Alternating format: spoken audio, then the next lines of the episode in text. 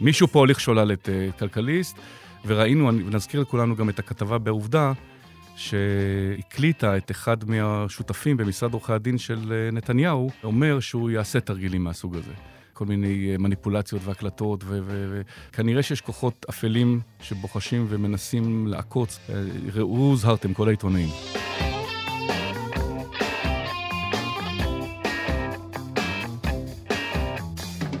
ברוכים הבאים למרקרים, פודקאסט סוף השבוע של דה מרקר. ההזדמנות שלכם לקחת פסק זמן ממחזור החדשות היומיומי ולצלול איתנו לרעיונות, לאירועים ולאנשים שמאחורי החדשות. כאן באולפן איתכם כמדי שבוע, ענת ג'ורג'י וגיא רולניק. שלום ענת. שלום גיא.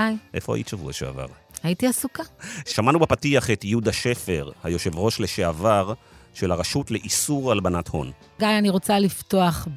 אתה יכול לקרוא לזה התנצלות, אני מעדיפה לא לקרוא לזה ככה. לפני שבועיים אנחנו התווכחנו פה על פרשת NSO, אתה טענת שמדובר בפלופ, אני טענתי שאתה קונספירטיבי. אז בעצם אה, ישבנו כאן באולפן, שבעצם במשך כמה שבועות עיתון כלכליסט יצר בקרב קוראיו. וכמובן בקרב הרבה ישראלים, את התחושה שישראל היא מין אה, מדינה כמו... גם בקרבי, אני מודה. אה, מדינה כמו מדינת, אה, כמו צ'אוצ'סקו כזה, כלומר שאנחנו בעצם, יש פה ארגון סודי ששולט במדינה, מקשיב לאזרחים בכל מיני הסוגים, והכל מטויח... נתנו שמות, נתנו שמות כן, של אנשים שפרצו להם... הכל מטויח על ידי הדרגים הגבוהים ביותר וכן הלאה, ממש יצרו תמונה של מדינת משטרה. ואני אמרתי שזה נורא מפחיד, ואתה אמרת שזה נורא שטויות, ואנחנו התחלנו להתווכח, ואני אמרתי שאתה בן אדם קונספירטיבי, ואי אפשר ככה. ויצא שבמקרה הספציפי, הנקודתי הספציפי הזה, אתה צדקת. ספציפי, ברור. אוקיי, אבל אנחנו לא נעסוק היום בפרשת לא. אה, NSO וכלכליסט, אלא אנחנו... אולי ב... אפשר לשאול אחרי זה את יהודה שפר מה הוא חושב בעניין נכון, הזה. נכון, נעשה זאת. אז הפודקאסט שלנו יתמקד במתקפה הרוסית אה, באוקראינה ובהשלכות שלה. יש לנו אורחת אה, מפתיעה איתנו היום, אולגה רודנקו. שהיא עורכת של עיתון שהוקם רק לפני uh, ארבעה חודשים, וסיפור שהיה כך היה, איך אני מכיר את אולגה. אולגה הייתה בסמסטר הסתיו האחרון, תלמידה שלי. uh, בקורס של uh, אסטרטגיה עסקית באוניברסיטת שיקגו, הגיעה לשם לכמה חודשים, ותוך כדי הסמסטר שהיא בכיתה, מתהפך עליה עולמה, בגלל שהאוליגרך האוקראיני ששלט בעיתון בו, בו היא עבדה, פיטר את רוב העיתונאים. ואז בצעד מפתיע... היא הייתה סגנית עורכת. נכון, נכון. ואז אה, חלק מהם החליטו לא לחפש עבודה אה, חדשה בעיתונים של, כל העיתונים באוקראינה שייכים לאוליגרכים, אלא להקים עיתון חדש, בלי אוליגרכים, שיהיה בבעלות בעצם הציבור, והם בחרו בה, בחורה מאוד צעירה, להיות ה... העורכת הראשית. ומיד אחרי שהסתיים הקורס, אני נפגשתי עם אולגה כדי לדבר על האסטרטגיה של העיתון החדש. ואחרי כמה שעות של שיחה על אסטרטגיה ועל עיתונות עצמאית, שאלתי אותה, תגידי, אבל אה, את יודעת, אולגה, לא דיברנו על אה, פוטין. ושלחתי לה איזה לינק על, אה, מידיעה מה-Financial Times על זה שהביון האמריקאי אומר שפוטין עשוי לפלוש לאוקראינה, ואני חייב לציין שהיא ממש לא נראתה מוטרד, מוטרדת. היא הייתה מוטרדת מהשחיתויות באוקראינה של האוליגרכים ושל הממשלה, ואז כמובן לפני שבוע התהפך אה, עולמה. אה, היא תהיה כאן מיד ונשמע ממנה מה זה אומר להיות היום. אני רוצה רק להוסיף לך בעניין הזה שאני הייתי השבוע אה, באשדוד, במטה חירום חמ"ל שהוקם במיוחד, וסיפר לי אחד האנשים, זה שבעצם אה, שוכר שם את הבית, שהוא היה בלבו וערב לפני הפלישה, והם יצאו כל הלילה לחגוג, והייתה אווירה נהדרת ברחובות, עם מלא סטודנטים ו- וקוקטיילים. ואף אחד לא העלה בדעתו שלמחרת ב-6 בבוקר הולכים להפגיז את קייב. אז זה באמת לא האמינו עד הרגע האחרון. אה, ובין היתר זאת הסיבה גם לכמויות הפליטים שאנחנו רואים כרגע, שמנסים לעבור את הגבולות. אה, נדבר גם היום עם יהודה שפר, לשעבר משנה לפרקליט המדינה לאכיפה כלכלית, והיושב ראש הראשון של הרשות אה, לאיסור הלבנת הון. שפר מכיר לא רע את האוליגרכים המדוברים שעשו את עונם מיחסים קרובים עם פוטין, וכמובן מרגישים כרגע שהקרקע בוערת תחתם. נשוחח עם אה, שפר על המניעים האמיתיים מאחורי הניסיונות של חלק מהם להשכין שלום בין רוסיה לאוקראינה, על הדרכים להלבנת הון ועל ההשלכות האפשריות של הלחימה, על הכסף הרוסי ועל הונו של פוטין עצמו. ולסיום כמובן נשאל אותו עד כמה דומיננטיים האוליגרכים הרוסיים בישראל, ומה ההבדל בין אוליגר רוסי לאוליגרך ישראלי. מיד מתחילים.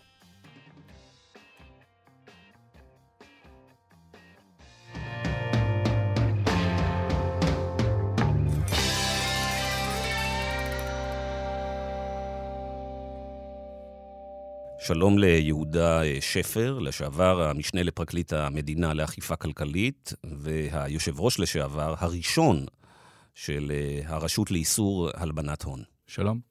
אז יהודה, לפני שנדבר על אה, אוליגרכים, תחום אה, התמחותך פחות או יותר, שמעת את ענת ואני מדברים קצת על השיחה שהייתה לנו פה כאן לפני אה, שבועיים, אתה יודע, רגע לפני שפרצה המלחמה באוקראינה, היו פה שתי פרשיות די גדולות בתחומים שלך, אחת כמובן משפטם של נתניהו וה... מו"לים, והשנייה היא פרשת NSO, שהפכה אחר כך לפרשת כלכליסט. אה, ואני שמעתי אותך באיזה אה, דיון בטוויטר, ב Space של אורלי ברלב, די בתחילת הפרשה, בעצם בזמן אמיתי מטיל ספק בכל התחקיר הזה. בוא תסביר לי למה חשבת שזה פייק. תראה, כל מי שעבד במערכת הזאת, אני הייתי בה 30 שנה, יודע שאין דברים כאלה. אנחנו לא חיים במדינה טוטליטרית, או במדינה שבה, תכף נגיע לאוליגרכים, במדינה שיש למעטים השפע, יכולת השפעה שכזאת. אנחנו חיים במדינת חוק.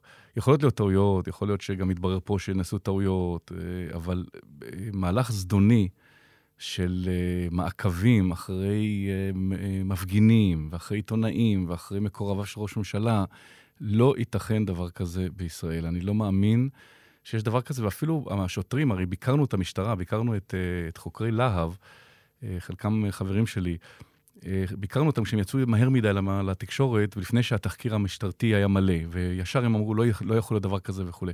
אני גם מבקר אותם, זאת אומרת, המשטרה צריכה לתת תשובות אמינות, וזה שהיא זגזגה בתשובות שלה, זה מערער את אמון הציבור. אז, אז בשורה התחתונה הם נכשלו דוברותית.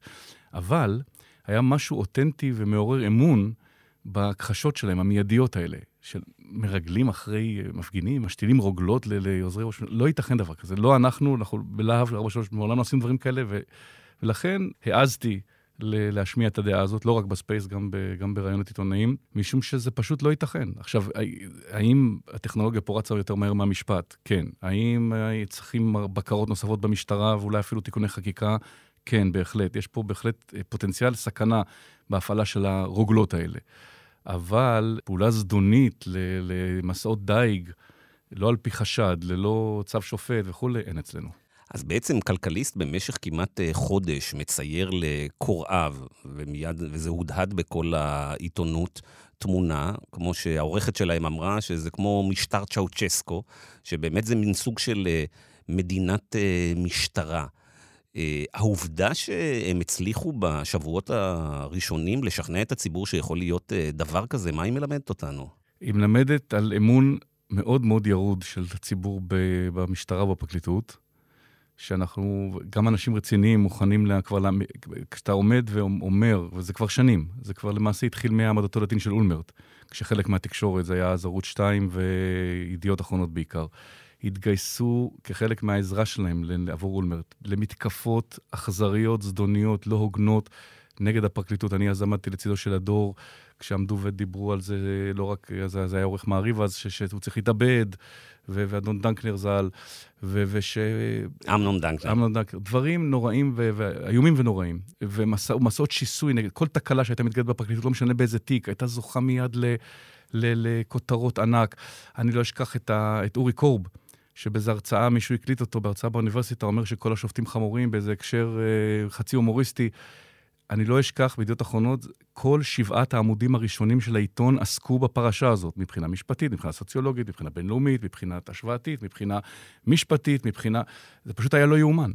אז בעצם מההתחלה שפורץ התחקיר הזה, ואתה מטיל בו אה, ספק ואומר זה לא הגיוני, בעצם מה שאתה אה, רואה מתחבר למה שאתה מסתכל 20 שנה, שאם צריך אה, להעלות סימני שאלה לגבי מוסד דמוקרטי במדינת ישראל, זה לגבי בעצם עיתונות הטייקונים, ופחות לגבי המשטרה והפרקליטות. אה, אני חושב שגם כתבי האישום של נתניהו, בעיניי, האישומים הלא פחות חמורים, וכשאתה גם קורא את החומר, רואה את החומר, אה, השחיתות היותר גדולה היא בצד של העיתונות.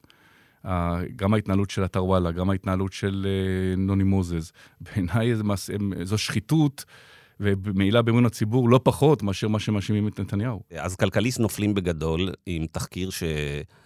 רובו, שעיקר, שהלב שלו, הם בעצם כבר לא עומדים מאחורי התחקיר שלהם, אבל אתה מזהה דווקא את הבעייתיות הגדולה בהתנהלות שלהם, דווקא ברגע שבו מתברר שהתחקיר שלהם לא נכון. כן, למעשה אנחנו, הם, הם עדיין עומדים על זה שעיקר התחקיר שלהם אושש על ידי ממצאי ועדת מררי. וזה מאכזב מאוד, כי מצופה מעיתונים רציניים, אה, הם יכולים להגיד, אה, עלינו על משהו פה, עלינו על טכנולוגיה שצריכה הסדרה נוספת, עלינו פה על משהו חשוב, אבל אה, אכן מישהו הוליך אותנו שולל, ומשהו פה לא בסדר. הם אמרו, אנחנו נבדוק וכולי, אבל הם לא באמת חזרו מעצמם, ועצם זה שהם אומרים שעיקרי התחקיר, אושר, עיקר התחקיר אושש, זאת, זאת טענה מופרכת, משום שעיקר התחקיר היה שיש כאן פעולה זדונית. שיש כאן פעולה... רחבת היקף, עצומה. שיטתית וזדונית, ומסעות דייג נגד פוליטיקאים ונגד מפגינים ונגד מתנגדי משטר.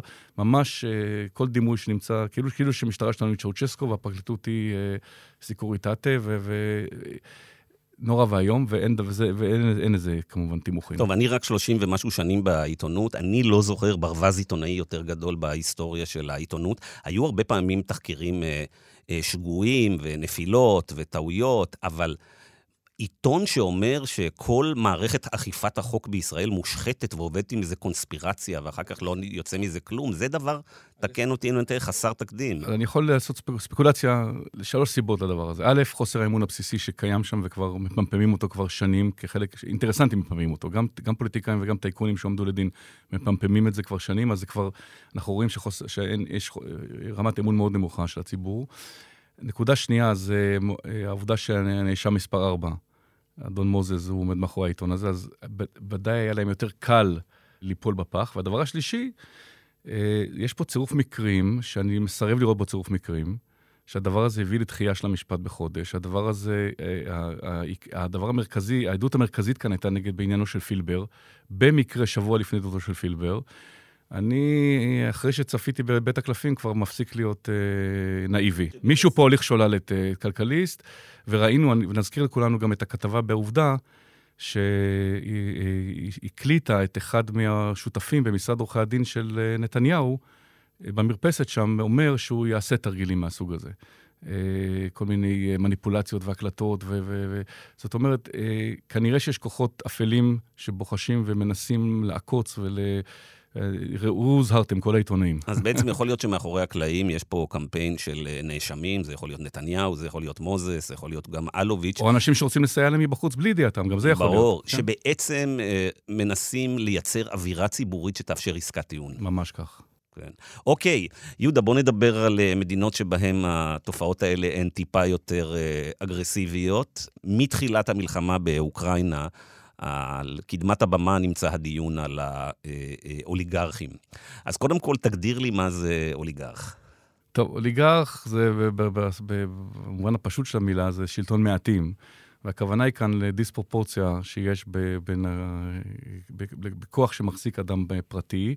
כמובן שיש איזו קונוטציה, מאז אה, תקופת אה, ילצין, יש איזו קונוטציה שהיא יותר רוסית, אבל אין סיבה לייחס, להתייחס רק לאוליגרכים רוסים.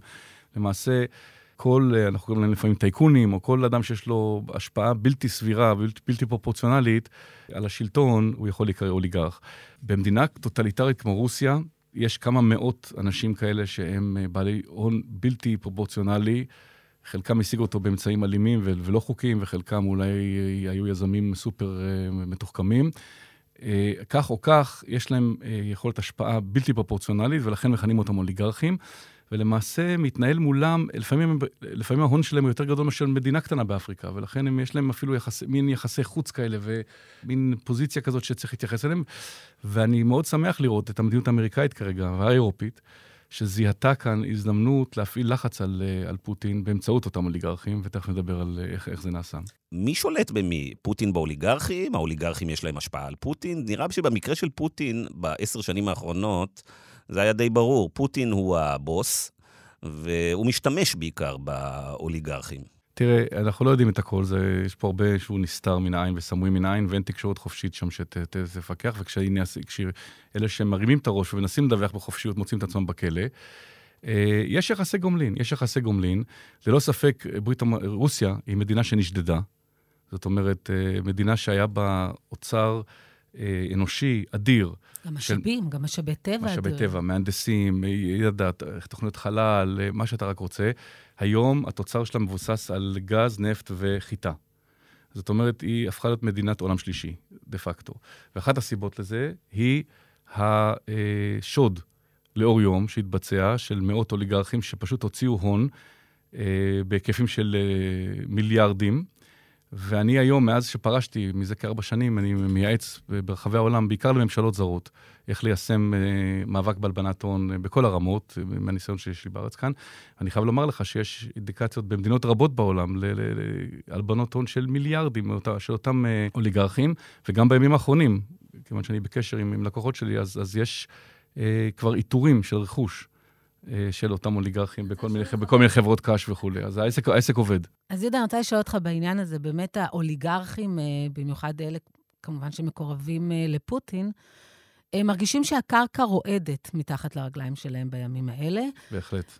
ואני רוצה לשאול אותך אם אתה חושב שזה לגיטימי לרדוף אחרי אנשים פרטיים בסופו של דבר, גם אם הם עשו את הונם מקרבה לשלטון. כי זה יכול אולי לייצר איזשהו תקדים לאנשי עסקים אחרים. אז ככה, אני רואה את זה בצורה אה, כזאת, זאת הראייה שלי. דמוקרטיות לא נלחמות אחת בשנייה. מתי מלחמות מתחילות? כשאיזשהו דיקטטור או איזשהו אדם, אה, כמו שקר כאן, אה, מקבל החלטה. אז למעשה אף אחד לא ידע לצפות, האם פוטין יעשה את זה או לא יעשה את זה וכו'. ולכן המערב, לדעתי, גיבש את האסטרטגיה הזאת, שהיא אולי לא צודקת, ואולי היא, יש לה בעיות, משפטיות או בעיות של due process, אבל מה שמעניין כאן זה שהם זיהו את נקודת התורפה של אותו שליט במדינה אוטוריטרית, שהוא לא יכול להתקיים. אתה שאלת מקודם מה מקיים את מה, זה יחסי גומלין. אז הם צריכים, צריכים אותו כדי לבצע את השוד הזה של הוצאת הכספים מרוסיה, והוא צריך אותם, כי הם נותנים לו את הכוח, את ההשפעה, הם שולטים בכלי התקשורת, הם מזינים אה, מערכות שהוא ניזון מהם. אבל עד כמה הם משמעותיים ביכולת שלהם להחליש את המוטיבציה שלו להילחם? או שבעצם, דרך אגב, יכול להיות שהם מחזיקים בה גם שהוא שותף איתם. זאת אומרת שהרדיפה אחריהם נועדה בין היתר להגיע לכספים של פוטין. קודם כל, אנחנו נדע רק בעוד כמה שבועות, אבל כבר יש אינדיקציות מעודדות. כבר ראינו חלק גדול מהם שכבר התעורר להם המצפון ויצאו בהצהרות על כן, uh, המעשים כן, הנוראים כן. באוקראינה. כמה מהם כבר יצאו בהצהרות. חלקם uh, גם הציעו את שירותיהם ל- ל- ל- לפשר ולגשר. זאת אומרת... הם פוחדים על הכסף או שהם רוצים שלום עולמי? אני אשאיר למאזינים שלנו לנחש. אבל אני חושב שהמערב פה, בחוכמה רבה, אמר, יש, היו פה, יש פה שתי אופציות, או להגיב בכוח ולהיכנס ממש לסיכון ממשי של מלחמת עולם, ממש, לא אפילו... או להשתמש בכלים יצירתיים, וכאן יש כלי, אולי נאמר עליו רק משפט אחד, יש פה כלי שנוצר למטרות אחרות לגמרי. הוא נוצר למטרות של מאבק במימון טרור ומאבק בתוכנית הגרעין של איראן. ויש סטנדרטים בינלאומיים שפרסו תשתית בינלאומית, ש- שאני עוסק גם בהנחלתה ברחבי העולם, של ברגע שמישהו נכנס לרשימות האלה, אז מיד הכסף שלו מוקפא. בישראל למשל, המערכת הזאת קיימת רק לגבי מימון טרור. דרך אגב, היו סנקציות אה, על, כבר על אוליגרכים שארצות הברית כן, הטילה. כן, בהחלט, בהחלט, אבל אה, הסנקציות האלה מחייבות רק בארצות הברית וכיום רק באירופה. נכון, וישראל, בישראל, דרך אגב, לא מחויבת. אז נאמר על זה משפט, בישראל יש תשתית חקיקתית בהתאם לסטנדרטים הבינלאומיים רק לגבי מימון טרור והמאבק באיראן וצפון קוריאה, ואין לנו אה, משטר סנקציות כזה, אבל הבנקים פה... אה, בהחלט קשובים לעניין הזה, מפחד של הרגולטור האמריקאי. אז, אני... אז רגע, יהודה, אני רוצה להבין, הסיבה שאתה תומך ורואה כ, כפעולה מאוד לגיטימית לרדוף אחרי אה, אה, אוליגרכים, היא בגלל שהם בעצם שדדו את עמם, או בגלל שרוסיה היא לא דמוקרטיה? הסיבה היא. רק כשיש תשתית עובדתית ברמה מודיעינית מספקת, שהיא עומדת בבסיס ההכרזות האלה. זה לא נשיא הברית מזהה איזה מישהו שלא מוצא חן בעיניו ומכריז עליו. זה הכל, זה תהליך מסודר ומובנה של הכרזות, כמו אצלנו בענייני ביטחון, שם זה בעניין... כאשר מזהים שיש אדם שיש לו השפעה על uh, דיקטטור כזה, על... Uh, uh, אני, אני לא חושב שזה לגיטימי לעשות את זה במדינות דמוקרטיות. מדינות דמוקרטיות צריך להתנהל, וגם מדינות דמוקרטיות לא תוקפניות, הן לא תוקפניות, הן לא מתחילות במלחמות, זו עובדה. אבל גם במדינות דמוקרטיות, אתה יכול לשאול את גיא, יש הון שלטון, וגם הם מרוויחים את הכסף שלהם, כי כמו שהוא אומר, אין פה שוק חופשי, וזה הכל המדינה קובעת. אני, אני חושב, הנה, גיא, אז המדינה... אמרתי לך לחייך. לא, לא, אז כמובן, כמובן שתופעת האוליגרכיה, או שלטון המעטים, או הריכוזיות, או תקראו לזה איך שתרצו, היא קיימת וצריך להיאבק בה, אבל יש כלים משפטיים, ויש כלים של חופש, של, של, חופש ביטוי להילחם בהם, וכפי שגיא רולניק יכול ללמד את כולנו. כשמדובר בפוטין, אתה יכול לפרסם מה שאתה רוצה בדה-מרקר, זה לא יעזור. מה שיעזור אולי זה אם תפעיל לחץ על, תלחץ קצת על האנשים שמקורבים לפוטין. קיצור, אין, אין לנו השפעה על פוטין, אתה אומר. רק במה שאתם כותבים, כנראה שלא. לפני 20 שנה הגיע לישראל אוליגרך רוסי בשם ולדימיר גוסינסקי. וקנה אה, אה, מניות במעריב ב-80 מיליון דולר, אז היה, אז היה הרבה כסף. ואז הוול סטריט ג'ורנל פרסם עליו סדרה של אה, תחקירים, איך הוא עשה את הונו, ואנחנו יודעים איך אוליגרכים עשו את הונם אה, ברוסיה. אה, ואני כתבתי על הבעייתיות בזה שאוליגרך רוסי נכנס לשם.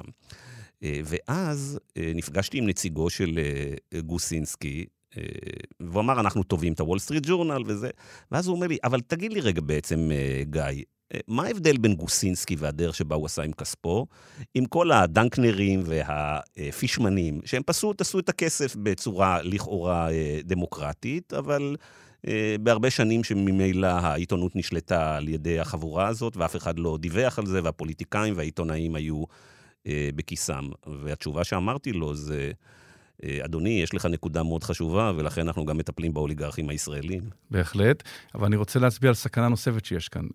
אותם אוליגרכים שכן קשורים בקשרים לרוסיה, לפוטין, הם מהווים סיכון. אני אתן לך דוגמה נוספת. אה, קח למשל את, אה, את וקסלברג.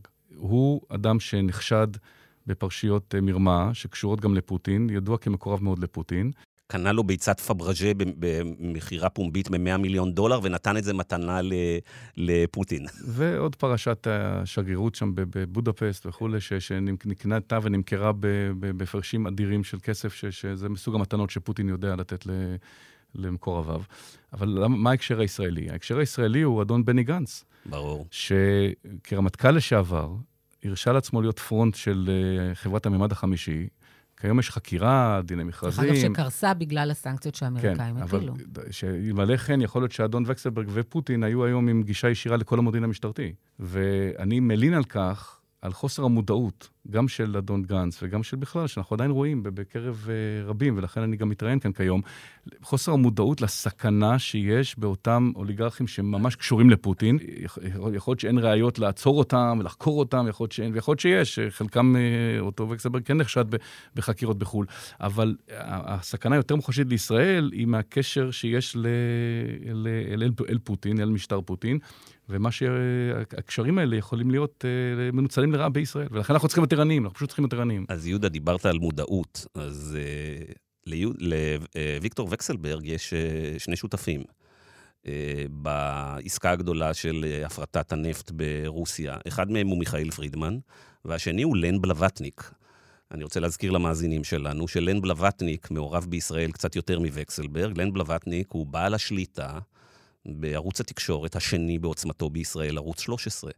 נתניהו ביצע לפני שלוש שנים מחטף, שהוא שינה את החקיקה של חוק הרשות השנייה, ואפשר למשקיע זר, במקרה הזה לן בלווטניק, להשתלט על ערוץ תקשורת בישראל, בניגוד לכוונת המחוקק המקורית, כאשר התחלנו בטלוויזיה המסחרית. עכשיו, למה זה מעניין? כי אתה אומר שלגיטימי לרדוף אחרי אוליגרכים. הבעיה היא שבלווטניק, בניגוד לווקסלברג ו...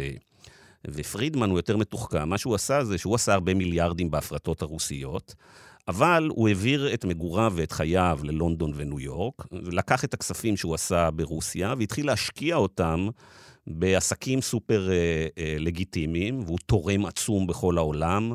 והוא נחשב איש מאוד מכובד בניו יורק וב, ובלונדון, יש בית ספר אה, אה, למדיניות ציבורית על שמו באוקספורד. אתה רוצה שנעבור בכל האוניברסיטאות בארץ ונראה מבנה-מבנה? ברור.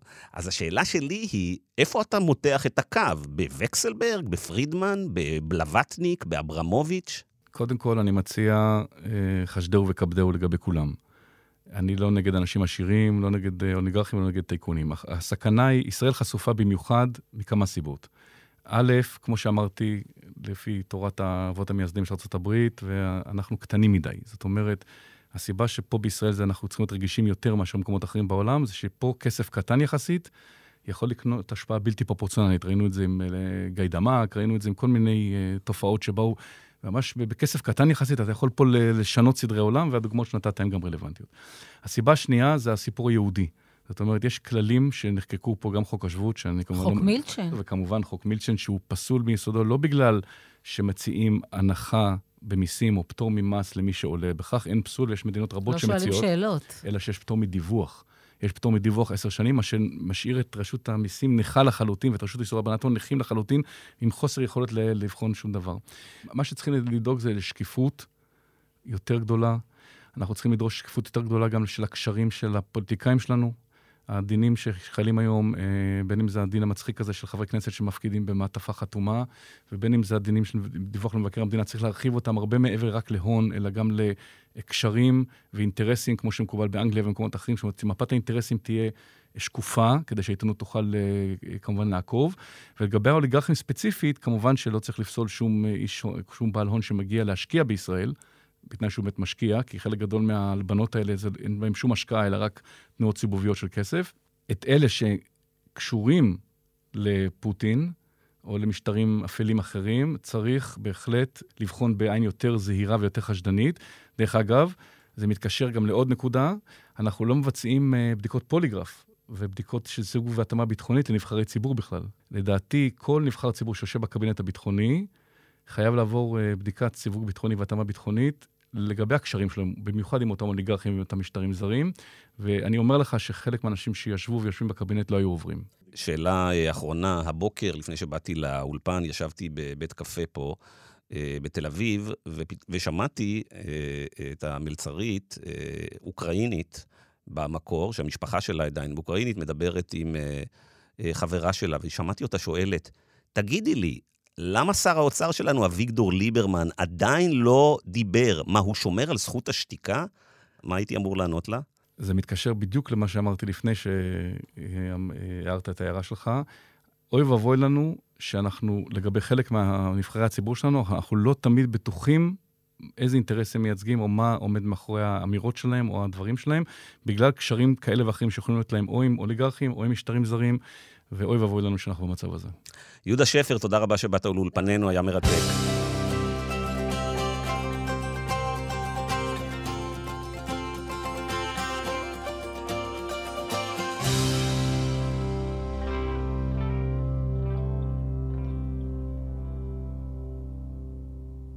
Hello, Olga. How are you? Hi, I'm uh, as good as I can be in this uh, circumstances. Where are you now? I'm in uh, Western Ukraine. It's the part of the country that is um, that has been less affected by by the war than the eastern and central part. Here, I can uh, I can work and I can uh, be more or less sure that I will not be cut off uh, uh, the internet and phone, and basically that's that's where I can continue to do my job. How are you covering the Russian-Ukraine tension uh, right now? You have a journalist in the war zone. Yes, so I lead um, a publication called the Kiev Independent, and it's a it's a team of journalists, mostly Ukrainian, who are uh, covering Ukraine in English for the for the global audience. And we launched uh, just uh, less than four months ago. It's it's a big trial for us.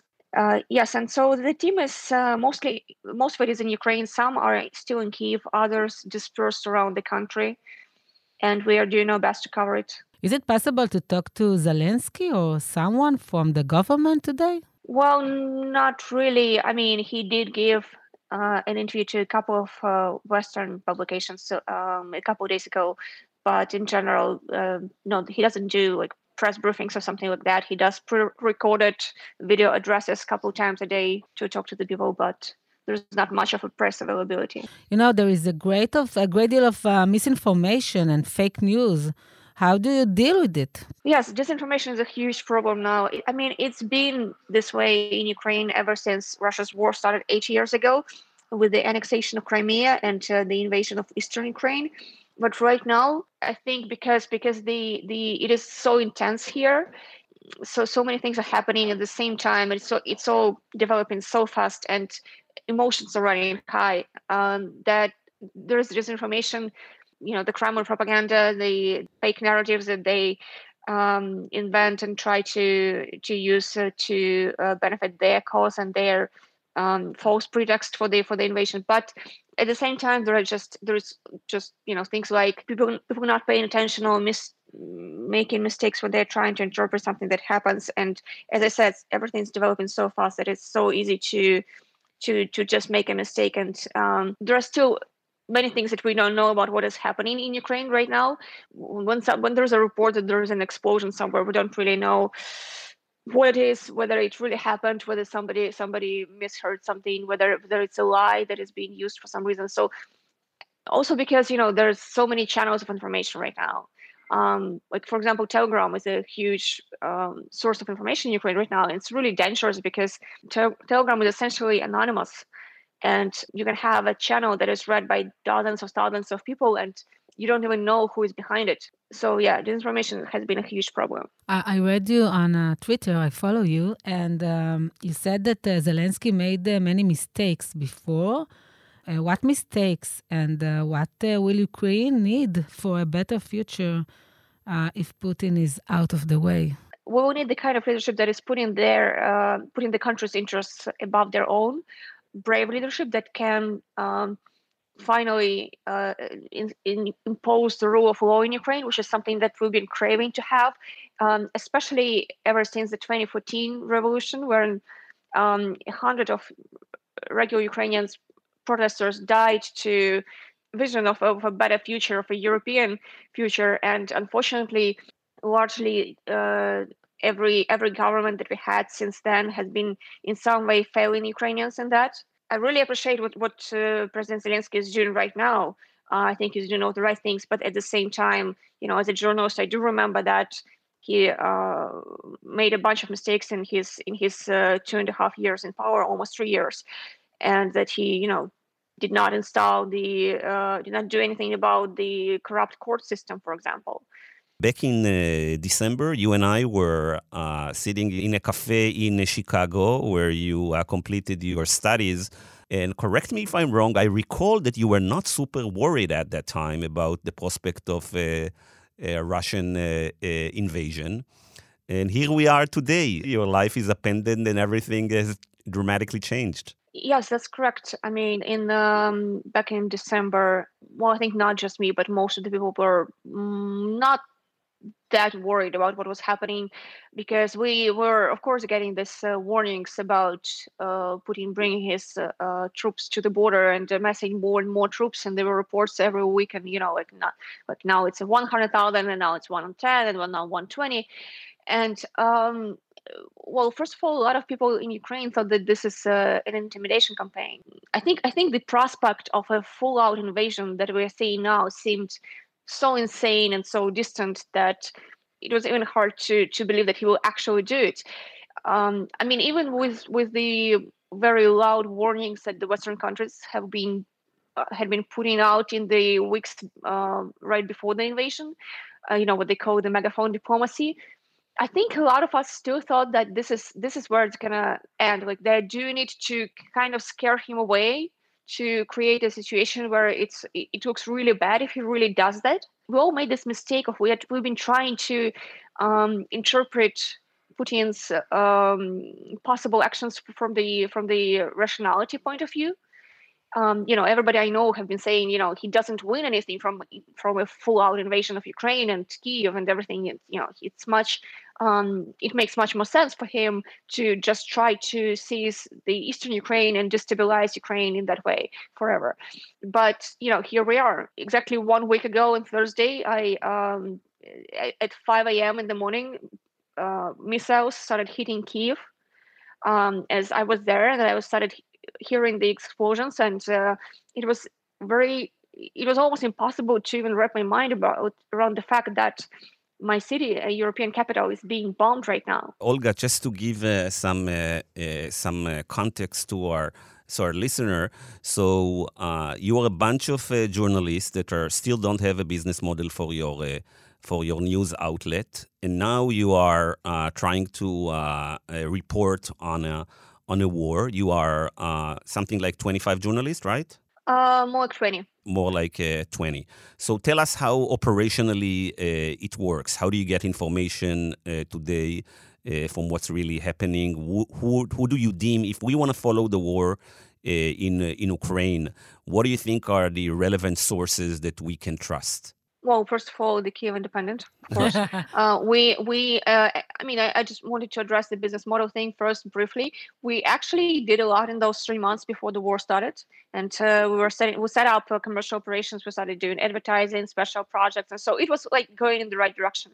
Um, now, of course, everything is upended, and uh, uh, we are in a very very unusual unusual mode. That you know, when we started this almost four months ago, I never thought we would uh, find ourselves in this situation. I, you know, when this happened, I was just trying to figure out how to how to manage and run um, a news organization, and now I need to learn how to run it in the times of war. So that's pretty insane. But we've actually been we've been pretty successful in uh, uh, getting the attention of the global audience. In the beginning of last week, we had something like 30,000 Twitter followers. Right now we're and at 1.5 million. Wow. Wow. Um, we really established ourselves as, uh, I think, the a major source, a major local source of uh, news from Ukraine for the world. So it's something we did several weeks before the invasion. We switched to um, part of our capacities to doing like quick news format. Um, so instead of just write, writing stories uh, that were often a bit too slow to you know to, to really like inform people quickly we um, you know moved part of our capacity part of our team to doing quick news. And this proved very useful right now because we are really informing people uh, you know live about what's happening. Our if you check out our telegram uh, or our twitter it's like you know that uh, when there is an uh, air raid alert in, in the major cities uh, it's it's there immediately. When there is an explosion it's there immediately. So we're really doing that fast. And it's it's challenging because um, you know we've been getting this information from other channels in ukraine often from onlookers or from uh, like reports and telegram channels that need to be verified and like very fast and while we're doing our best, sometimes we make mistakes. We make sure that we put out a correction every time when we make a mistake. We don't just, you know, sweep it under the carpet. You know, I read that you said that uh, it's not just a story uh, that uh, we cover, it's a story that we live. Uh, how difficult it is. Well, uh, I mean, there, there are, I guess, two, two sides of that. There's, it's, it's difficult emotionally, but it's also difficult in the sense that you know people had to deal with it on the level of their personal security. People had to in the first days a lot of a lot of uh, members of the team were, were relocating to safer places um, or moving out their families and they then coming back. And it it really undermined our capacity because the the people who were staying put um, they needed to, uh, to to do the job. We are reporting stories for example about refugees that are fleeing the war to to Poland and other countries, while you know the person who reported the story is actually a refugee herself. So we are we are reporting the story that we, we as you said, as as I said earlier, that we live. And uh, I mean, it's as I said, it's challenging from both sides, like emotionally and just in terms of um, just logistics and uh, uh, dealing with this uh, challenges like, like relocation and getting your close ones to safe places while also trying to be a journalist. Yeah, it is it is taken toll, but I think everybody is really at the same time really I would say inspired and uh, understand the the importance of their work more than ever before. Olga, Putin succeeded, of course, unintentionally to uh, bring together in the last uh, 10 days uh, the West that was divided in many ways uh, for many years. So NATO, Europe, the EU, United States. It seems that uh, everyone is coming together in support of uh, Ukraine. Are you encouraged by that? Well, that's a very good question because, on the one hand, yes, it is encouraging to see how the world is coming together and uh, rallying behind Ukraine and you know you get we have this phenomenon of uh, uh, Volodymyr Zelensky, our president, suddenly becoming like a pop culture icon in the West um, because of his bravery of staying in Kiev while um, reportedly Russia is trying to assassinate him. Um, at the same time, I think a lot of Ukrainians still feel um, that despite despite this and despite the um, aid that we've been getting, like the the lethal weapons and other aid, we are uh, still left to fight this alone and abandoned in a way and uh, I think the well the biggest manifestation of that is uh, the campaign that the Ukrainian government and people are, have been leading to to push NATO to introduce a no-fly zone about um, in Ukraine, to uh, which of course uh, um, the NATO countries oppose because that effectively means going into war with Russia because NATO would have to to shoot down any any Russian plane that enters Ukrainian airspace if they do if they introduce a no-fly zone. So yeah, it's uh, it's a, there is a duality like that. Okay, so Olga, one last important question. So I personally believe that uh, one should always support uh, independent journalism, independent from uh, oligarchs and from government. But in Israel, there are many uh, uh, Ukrainian people that are their roots in, in Ukrainian, and a lot of a lot of Israelis would like to support Ukraine and support important causes uh, in Ukraine. Uh, if we have a, a, listener here at the podcast and uh, readers of Haaretz and the Marker that generally want to support Ukraine and specifically want to support your news outlet, what should we do? First of all, there's a lot of disinformation uh, abroad about the war in Ukraine and if people could really try to uh, share and to bring attention to news outlets who are uh, doing a fair job covering covering the events, especially local ones like ours, but not just ours, others too.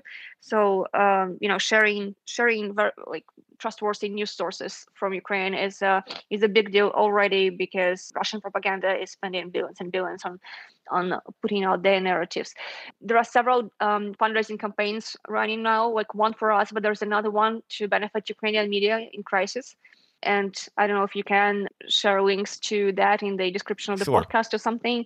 The fundraising campaign for Ukrainian media, um, as of last night, it got something something like um, I think six hundred thousand pounds, um, and it's uh, and it's continues uh, to to grow. What a lot of people around the world have been doing is just addressing their you know. Uh, putting making calls to their local representatives to and demanding them to to uh, you know to help Ukraine in any way they could. Um, like if you look, for example, at uh, Switzerland that introduced sanctions against Russia for the first time, I guess ever. Uh, you know, it's been hap- it's, it happened because uh, initially they didn't want to do anything, but uh, locals were so outraged that they that you know local politicians just didn't want to basically lose the next re-election But I think actions by by regular people like that, just trying to bring attention to the problem and to, you know, addressing their local representatives, it can make it can make a difference. Olga Rudenko, uh, thank you very much for taking the time uh, to talk to us uh, at these difficult times in uh, in Ukraine. Stay safe and continue to do uh, courageous, independent journalism. Take care, Olga. Thank you. Thank you for for inviting me, and thank you to for you know putting putting this uh, issue in the spotlight.